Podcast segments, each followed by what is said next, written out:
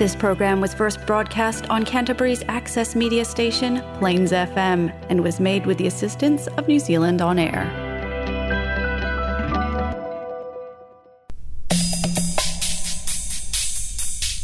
Namaste Nepal. Namaste Nepal.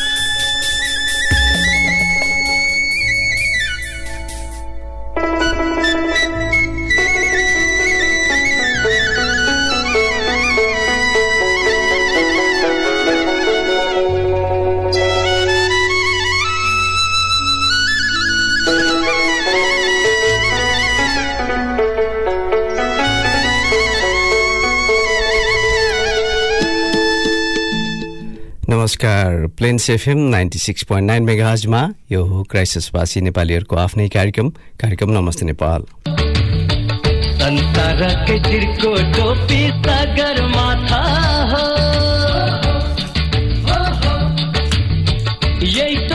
हजुर श्रोताहरू Nepal New Zealand Friendship Society क्यान्टबरीको प्रस्तुति कार्यक्रम नमस्ते नेपालको एक अर्को अङ्कका साथ यहाँहरूको घर आँगन रेडियो सेटमा उपस्थित भइ नै सकेको छु। क्राइसिस आसपासमा Plains FM ninety six point nine मेगाहजको यो फ्रिक्वेन्सी मोडुलेसन मार्फत यहाँहरू कार्यक्रम नमस्ते नेपालसँग प्रत्यक्ष जोडिन सक्नुहुनेछ। त्यस्तै क्राइसिसभन्दा बाहिर न्युजिल्यान्डभर र संसारको जुनसुकै स्थानबाट पनि यहाँहरू Plains FM dot ORG dot एनजेडमा गइसकेपछि यहाँहरूले न्युजिल्यान्डको समयअनुसार बेलुका आठ बजे सोमबार कार्यक्रम नमस्ते नेपालसँग प्रत्यक्ष जोडिन सक्नुहुनेछ। त्यस्तै हामीले अलिकति सजिलोको लागि नमस्ते नेपाल क्राइस्ट चर्च न्युजिल्यान्ड नामको फेसबुक पेज पनि बनाएका छौँ। त्यहाँ हामीले प्रसारण भइसकेका कार्यक्रमका पोडकास्ट लिङ्कहरू पनि सेयर गर्दै आइरहेका छौँ। यहाँहरूको सजिलोका लागि र संसारको जुनसुकै स्थानमा रहनु भएर पनि आफू अनुकूल हुने समयमा हामीलाई सुनेर कार्यक्रम नमस्ते नेपालको लागि हामीलाई सहयोग सहृदयता यहाँहरूले देखाउँदै आउनुभएको छ। त्यसको निरन्तरता यो नयाँ वर्ष सन् दुई हजार बाइसको आगामी दिनहरूमा पनि यसरी नै र त्योभन्दा बढी निरन्तर रूपबाट मिल्दै जानेछ भन्ने अपेक्षाका साथ आजको कार्यक्रम सुन्दै बस्नुभएका र कार्यक्रमसँग जोडिनुभएका सम्पूर्ण नेपाली श्रोताहरूलाई सधैँ चाहिँ म विनोद हार्दिक स्वागत नमस्कार टक्राउँदछु।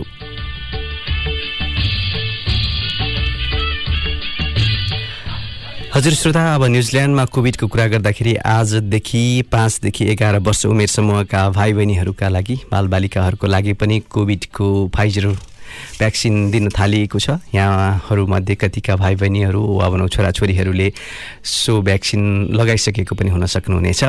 त्यस्तै नलगाउने वा भनौँ लगाउनका लागि बुकिङको तयारी गर्दै रहनु भएको पनि हुनसक्छ त्यस्तै अवस्था छ। र नेपालमा भने अहिले अब अलिकति ओमिक्रोनको सङ्क्रमण अलिक कम्युनिटी समुदायमा नै फैलिने त्रास बढ्दै गइसकेपछि स्कुल कलेज लगाएका सभा सम्मेलनहरू वा भनौँ सिन सिनेमा हल वा भनौँ विशेष गरी जमघट हुने स्थानहरूमा आगामी पन्ध्र गते माघ पन्ध्र गतेसम्मका लागि बन्द गरिएको छ वा भनौँ त्यसको लागि नियन्त्रण गर्न खोजिएको खबरहरू पनि छ नै। यहाँहरूसँग ती खबरहरू टाढा त छैनन् त्यस्तै लाग्छ। श्रोता अब त्यो पछि अब अन्य खालका खबरहरू पनि छन्। र ती खबरहरूका विशेष प्रसङ्गहरू र टिप्पणीहरू म कार्यक्रमको दौरानमा यहाँहरूसँग सुनाउँदै जाने नै छु। अब अहिले नै भने अब मानसरोवर जाने बाटो निर्माण नेपाली भूमिमा भारतले गरिएको त्यसको विषयको चर्चा पनि यहाँ यो क्रममा आजको कार्यक्रमको सुरुवातमा यहाँहरूसँग जोड्न मन लाग्यो। हुन त अघिल्लो कार्यक्रममा पनि त्यसका टिप्पणीहरू उठाइ नै सकेको छु। त्यसको निरन्तरता नै हो भन्नुपर्छ पर्दछ।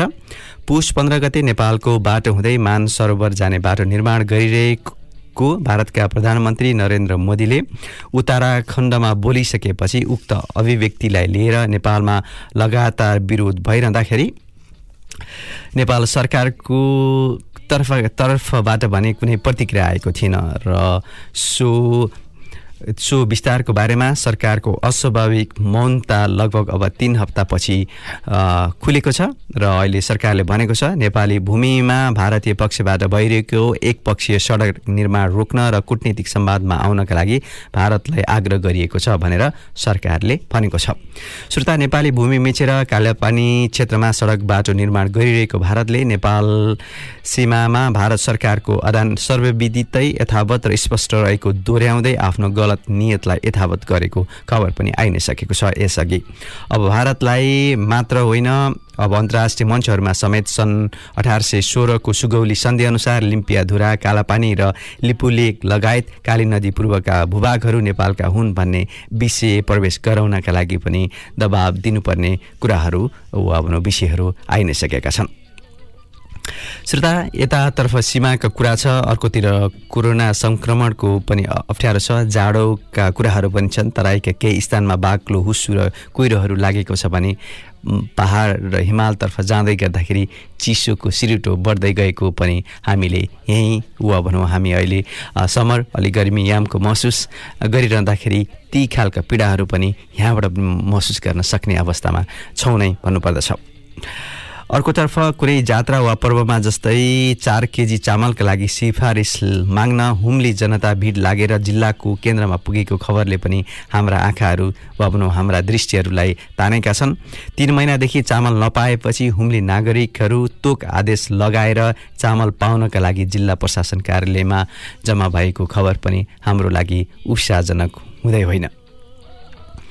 हुन त श्रोता यी कुराहरू खबरकाहरू का बावजुद पनि विश्व ब्याडमिन्टन महासङ्घले जारी गरेको पुरुष जुनियरतर्फको वरियता अनुसार उन्नाइस वर्षीय एकजना नेपाली खेलाडीको अहिले निकै नै चर्चा भएको छ। उनी अहिले पाँच सय अङ्क बटुल्दै शीर्ष स्थानमा उक्लिएका छन्। उनी पहिलोपटक शीर्ष स्थानमा पुग्न सफल भएका हुन् र नेपालका जुनियर खेलाडी दाहालले पाएको यो नै ब्याडमिन्टनले हालसम्म पाएको सर्वाधिक ठुलो सफलता हो। त्यस्तै श्रोता विश्व ब्याडमिन्टन महासङ्घले जारी गरेको महिला जुनियरतर्फको वरियता भने नेपालकी वरियतामा नेपालकी खेलाडी रसिला मर्जन महिलातर्फ उन्नाइसौँ स्थानमा पर्न सफल भएकी छन्। श्रोता श्रोता यसरी आजको कार्यक्रमको सुरुवातमा यहाँहरूलाई यी खबरहरू र अन्य परिखबरहरू पनि जोडि नै सकेको छु। हामीले गीत सङ्गीतका क्रमहरूलाई पनि कार्यक्रम नमस्ते नेपालमा जोड्दै आइरहेका छौँ। हाम्रा आफ्नै खालका खबरहरू आफ्नै खालका मिठासहरूका बावजुद पनि हाम्रा नेपाली सुभाषहरू देशका विभिन्न क्षेत्रहरूमा वा भनौँ अन्तर्राष्ट्रिय स्तरमा पनि रहेका छन्। नेपाली भाषै वा भनौँ नेपाली मूलको कुरा गर्ने भने त लगभग विश्वका सबै ठाउँमा छन् भन्नुपर्दछ।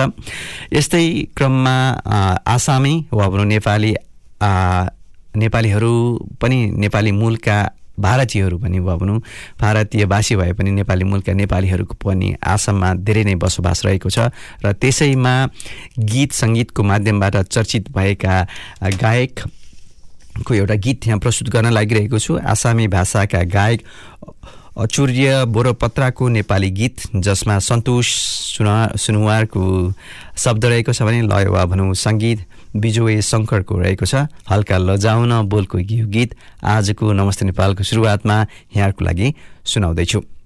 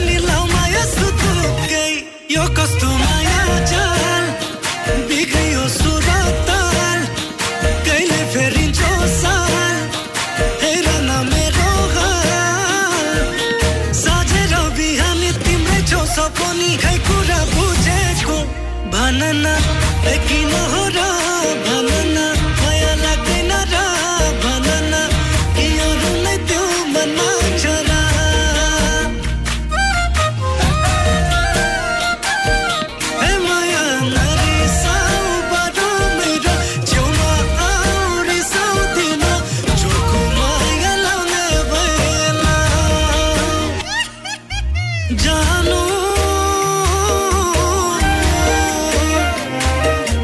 यो झोली तिम्रै लागि साँचेको छु तिम्रै लागि बाँचेको छु। नपत्याए यो मनमा बसिगेर नयाँ तिमी हस्ता रिना हुन्छ भन्दै नस्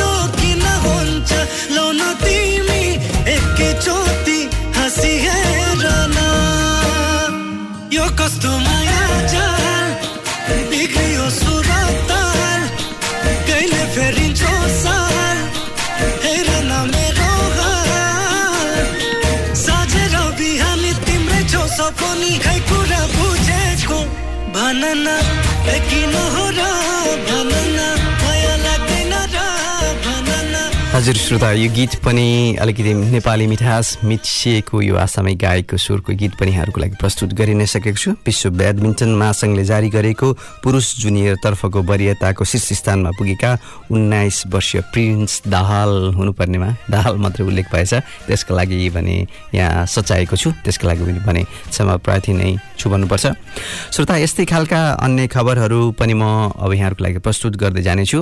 अब अहिले नै भने हामी माघ महिनामा छौँ। माघ महिनाको सङ्क्रान्ति पनि हामीले मनाइ नै सकेका छौँ। विदेशमा भए पनि तिलका लड्डु तिलका परिकारहरू अनि चाकु अनि हामीले सम्भव भएसम्मका तरुल सक्खरहरू खाएर अनि दही चिउरा र कतै कसैले त दुध चिउराको पनि भोजन गरेका थियौँ र छौँ पनि।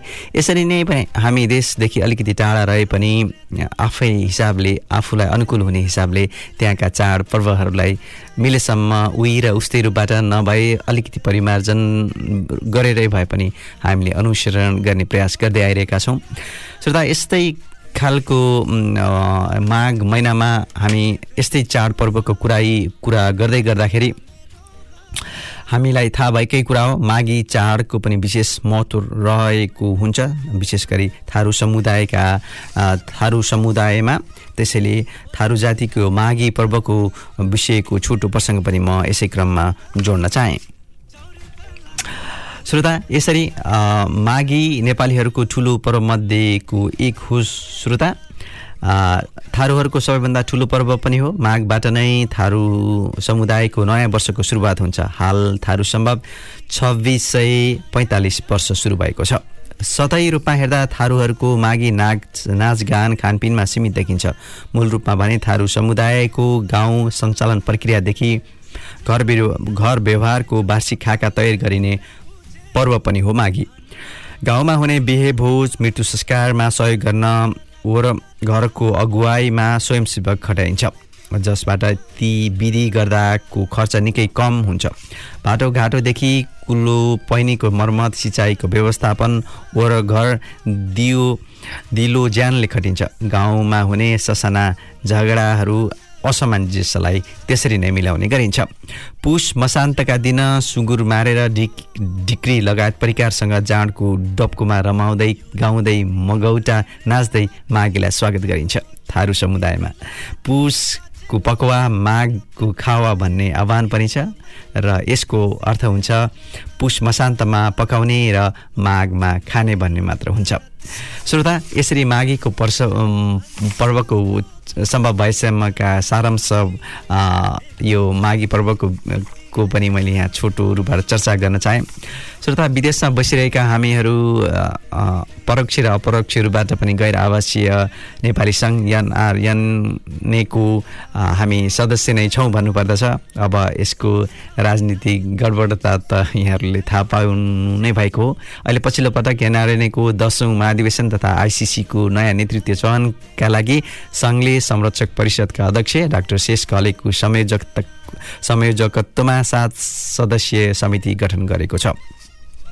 आगामी अठाइस फेब्रुअरीमा फेब्रुअरीमा नयाँ आइसिसीको चुनाव चुनाव गर्ने गरी यही जनवरी छब्बिससम्ममा महाधिवेशन प्रति प्रतिनिधिको नामावली संरक्षक परिषद मार्फत निर्वाचन समितिलाई उपलब्ध उपलब्ध गराउने निर्णय पनि गरिएको यो खबर यहाँहरूलाई यहाँ प्रस्तुत गरे। श्रोता त्यस्तै अब हामी माघ महिनामा माघीको चर्चा पनि गऱ्यौँ। अब गैर आवासीयको कुरा गर्दै गर्दाखेरि माघमा विशेष गरी पौष शुक्ल पूर्णिमामा हो तर अहिले यसपालि अलिकति समयको घर्काउँदै गर्दाखेरि माघ महिनामा आइपुगेको छ। अब सोमबारदेखि नै श्री स्वस्थानीको व्रत प्रारम्भ हुँदैछ। यसैको छोटो प्रसङ्ग पनि यहाँ जोड्नु मन लाग्यो। स्वस्थानी व्रत तथा कथा पौष शुक्ल पूर्णिमाका दिनबाट सुरु भएर माघ शुक्ल पूर्णिमाका दिन दिन सुव्रत र कथा समापन हुन्छ। हिन्दू धर्मावलम्बीले चोखो रही घर घरमा श्री स्वस्थानीको कथा वाचन गर्दछन्। अष्ट मातृ मातृका अर्थात् आठवटा देवीको बिचमा रहेकी श्री स्वस्थानी माताको महिमा एक महिनाभर व्रत कथाका एकतिस अध्यायहरू पाठ गरी यो क्रम एक महिनाभर निरन्तर रहन्छ। अष्टमातृकाको नेपाली जनजीवनमा अत्यन्त महत्त्व देखि महत्त्व छ। जस्तै कि हाम्रो दौरा सुरुवालमा भएको आठवटा गाँठा यिनै अष्टमातृकता मातृकाको प्रतीकको रूपबाट लिन्छ आठ अङ्क शुभ अङ्कका रूपमा लिने त हामी सबैलाई नै थाहा छ।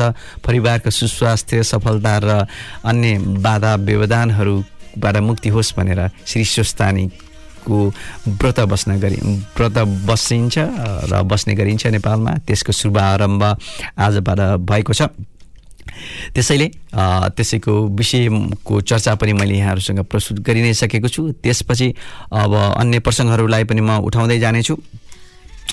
श्रोता यसरी विशेष गरी अब अन्य प्रसङ्गहरू उठाउनुभन्दा अगाडि म नेपाल न्युजिल्यान्ड फ्रेन्डसिप सोसाइटीको कार्यक्रमको विषयमा पनि यहाँहरूलाई जानकारी अनुरोध दोहोऱ्याउन चाहन्छु। अघिल्लो कार्यक्रममा पनि मैले यहाँहरूलाई जानकारी गराइ नै सकेको छु। सामाजिक सञ्जाल मार्फत लगभग खबरहरू यहाँसँग पुगिसकेको छ भन्ने महसुस पनि गरेको छु। यद्यपि नेपाल न्युजिल्यान्ड फ्रेन्डसिप सोसाइटीले आउँदो बाइस जुन जनवरी शनिबारको दिन रमाइलो पिकनिक कार्यक्रमको आयोजना गरेको छ। यसले गोर्जमा गएर हामीले पिकनिकको रमाइलो वातावरणमा खानपान रमाइलो रङ्ग रमाइलो अनि आसपासमा अन्य कार्यक्रमहरू पनि गर्ने कार्ययोजना बनाएका छौँ। कृपया यहाँहरू पनि क्राइसिस आसपासमै यदि हुनुहुन्छ वा भने आउन सक्नुहुन्छ त्यो समयमा भने कृपया काम वा भने अध्ययन अनि जनसुकै अलि खाल आफ्नै खालका व्यस्तताबाट अलिकति फुर्सद लिने अवस्था हुनुहुन्छ भने कृपया यहाँहरूलाई अनुरोध छ। बाइस गतेको यो पिकनिक कार्यक्रममा यहाँहरूको सामेल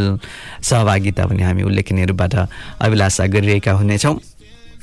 त्यस्तै श्रोता अब नयाँ वर्ष हाम्रो नेपाली विशेष नयाँ वर्षको सुसारको कुरा अब लगभग सुरु गरिसकेको छ सोसाइटीले। अहिले वार्षिक रूपबाट प्रकाशन हुने नमस्ते पत्रिका जुन एनएनजेड एफएससीको वार्षिक मुख्य मुख्य मुख्य पद मुखपत्र पनि हो। त्यसको प्रकाशनका लागि लेखन सामग्रीहरूको सङ्कलनको कार्य सुरु भइ नै सकेको छ। यदि तपाईँहरू पनि कुनै विशेष सामग्रीमा आफ्नो आफ्ना अनुभव अनुभूतिहरू यदि सेयर गर्न चाहनुहुन्छ र अन्य मार्फत पनि यो लेखन सामग्रीहरू प्रस्तुत गर्न चाहनुहुन्छ भने कृपया सम्पादन टोलीलाई वा आफ्नो सोसाइटीलाई पनि यहाँहरूले प्रत्यक्ष रूपबाट सम्पर्क राख्न सक्नुहुने सक्नुहुनेछ। श्रोता यसरी म यहाँहरूलाई यो कुराहरू सुनाइसकेपछि अब कार्यक्रम नमस्ते नेपालको आजको दोस्रो कोसेली स्वरूप अब यहाँहरूको लागि एउटा देशको देशको बखान गरेको एउटा गीत प्रस्तुत गर्न चाहे। सिमानाको कचकचको कुरा भयो भने हुम्ली जनताहरूको चार किलो चामलको लागि मुख्य सदरमुकाम धाउनुपर्ने अप्ठ्यारोहरूका बिचमा पनि मेरो देशको बखानको यो गीत अब यहाँहरूको लागि प्रस्तुत गर्दैछु।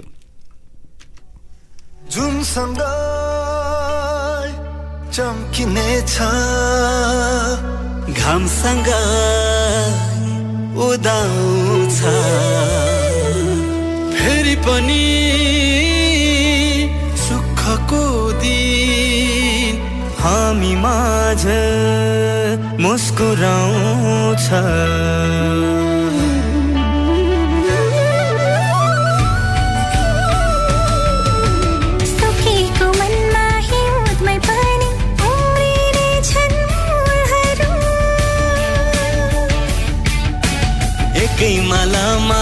हाँस्न सक्छन् हरेक नेपाली फुलहरू। त्यसैले त विपत्तिले हार मान्छ यहाँ। त्यसैले त विपत्तिले हार मान्छ यहाँ।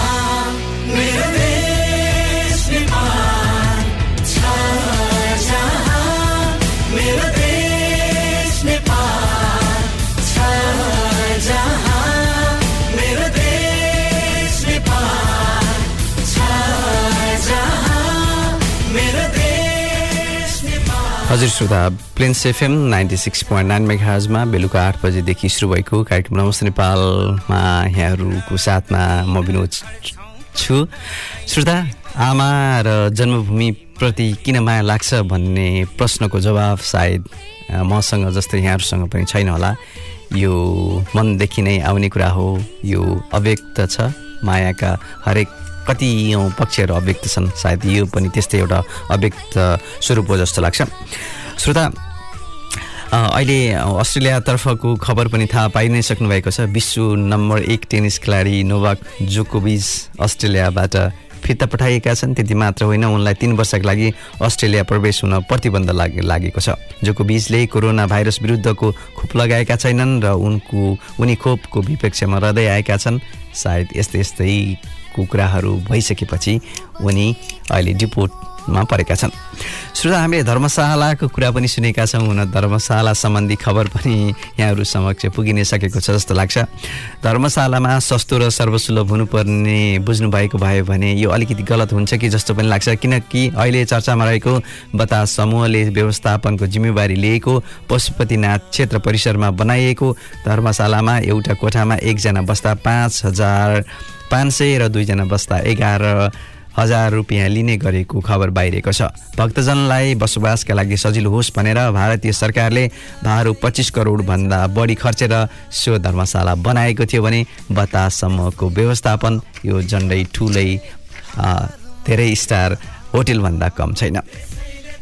त्यस्तै श्रोता हामी आफ्नै देशमा व्यवस्थापनको प्रतीक्षा गरेर बसिरहेका छौँ र पनि व्यवस्थापनका कुराहरू व्यवहारमा नहुँदाखेरिका हाम्रा बेमतीहरू आफ्ना चित्त दुखाइ गुनासाहरू छन्। यद्यपि बेलायतले दक्षिण एसिया क्षेत्रबाट स्वास्थ्य क्षेत्रमा एक लाख श्रमिक भित्र्याउने घोषणा गरे अनुसार नेपालबाट पनि करिब दस हजार नर्सिङ जनशक्ति लैजाने तयारी गरेको छ।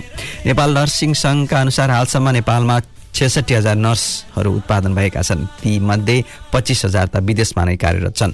नौ हजार नर्स सरकारी सेवामा रहेको सङ्घको तथ्याङ्क छ भने केही निजी अस्पतालमा कार्यरत रहेका छन्। श्रोता यो त हाम्रो देशमा सिप वा भनौँ सिप भएका शक्तिहरू युवा शक्तिहरू बाहिर गरिएका छन्। हुन त कति युवा शक्तिहरू देश विदेशका विभिन्न स्थानमा छरिएर रहँदा देशले नै उनीहरूको रगत र पसिनाबाट चिन्तित हुन पाएको छैन। यो अर्को कुरा भयो त्यो कसले बुझ्ने? त्यस्तै श्रोता अर्को अब यो क्लाइमेट चेन्जको कुरा भयो भर्खरै जारी गरिएको तापक्रम मापनका अनुसार सन् दुई हजार एक्काइसमा पृथ्वी रेकर्ड पृथ्वी रेकर्डमा छैटौँ सबैभन्दा तातो वर्ष बने नासाले अन्य दुई संस्थासँग मिलेर गरेको गत वर्षको गत वर्ष गरेको एक अध्ययन अनुसार गत वर्षको विश्वव्यापी तापक्रमण गणनाबाट अति तात्य मानिएको वर्ष सन् दुई हजार सोह्र र बिसभन्दा पनि सन् दुई हजार एक्काइस धेरै पछाडि नरहेको देखिएको छ। सन् दुई हजार एक्काइस वर्ष तापक्रम मापन सुरु भए भएको सन् दुई अठार सयको उत्तरार्ध पछिको छैटौँ सबभन्दा तातो वर्षको रूपबाट रहेको छ।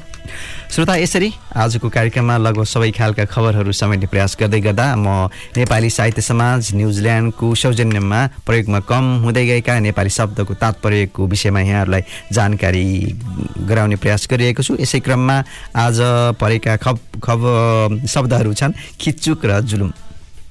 श्रोता खिचुक भन्नाले यो विशेषणको रूपबाट पनि आउँछ। सानो चित्त भएको कन्जुस कृपणी किरण किरण टोकी खिच्चो र छुच्चोलाई पनि हामीले त्यसरी बुझिन्छ।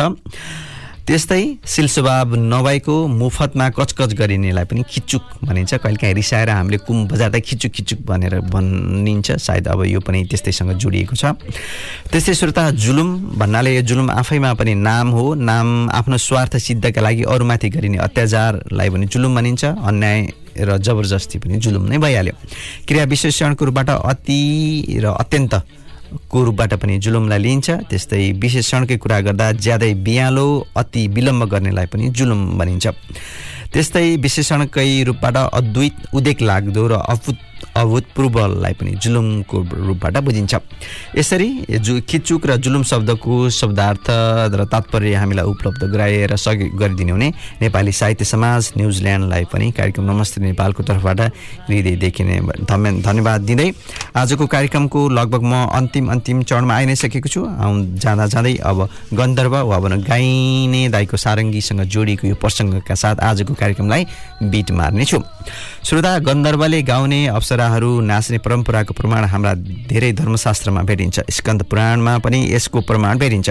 सङ्गीतको उत्पत्ति भएको मानिने सामवेद होस् या अन्य उपवेदमा पनि यस्तै बाजाको प्र- प्रचार धेरै पहिलेदेखि भएको पाइन्छ। पहिले पहिले सारङ्गीको तार बाख्राको आन्द्राबाट र बजाउने भाग घोडाको पुच्छरबाट तयार पार्ने गरिन्थ्यो। तर अहिले तारले नै बजाउने गरिन्छ र त्यसरी नै बनेका हुन्छन्। धर्मग्रन्थमा पनि गन्धर्व जातिलाई गायक मानिएको छ भने यसले गाउने र बजाउने पेसाले लिएका ज लाई जन्मजात कलाकारको रूपबाट पनि बुझाउने गर्दछ। श्रोता सारङ्गी वाद्यवादक र अझ विशेष गरी विशेष गरी गन्धर्वहरूले वीरताको गाथा गाउने माध्यम हो कर्खा र कर्खाको बारेमा नेपालमा पर्याप्त अध्ययन भएको छैन। कतिपय किम्बदन्ती अनुसार गन्धर्वहरूले कर्खा गायन मार्फत एकीकरणका योद्धाहरूलाई जोस्याउँथे भन्ने पनि सुन्न पाइन्छ। फ्रेन्च सङ्गीत शास्त्री मेरिल हेफरले त्रिपन्नवटा नेपाली कर्खा सङ्कलन गरेका थिए तर यस्ता कर्खाहरू अहिले लोप उन्मुख अवस्थामा छन् त्यसको पनि अध्ययनकै बाटो भएको छ। श्रोता यसरी बेलुका आठ बजेदेखि सुरु भएको कार्यक्रम नमस्ते नेपालको आजको अङ्क यति नै। आउँदो बाइस तारिक जनवरी शनिबारको दिन यसले गोजमा भेट्ने तयारी गर्दै गर्नुहोला भन्दै आजको कार्यक्रम सुनेर साथ दिनुभएकोमा यहाँहरूलाई हृदयदेखि नै धन्यवाद दिँदै आउँदो साता आज र भोलिको दिन पनि सधैँ नै सुगम होस् र त्यस्तै भएमा यहाँहरूसँग भेटघाट गर्न आउने नै छु। तबसम्मका लागि म विनोदलाई पनि आज्ञा दिनुहोस्। नमस्कार शुभरात्रि। शिर झुकाउँदै बसेकी लाजाले रानी खोज्दै आइपुग्यो राजाले।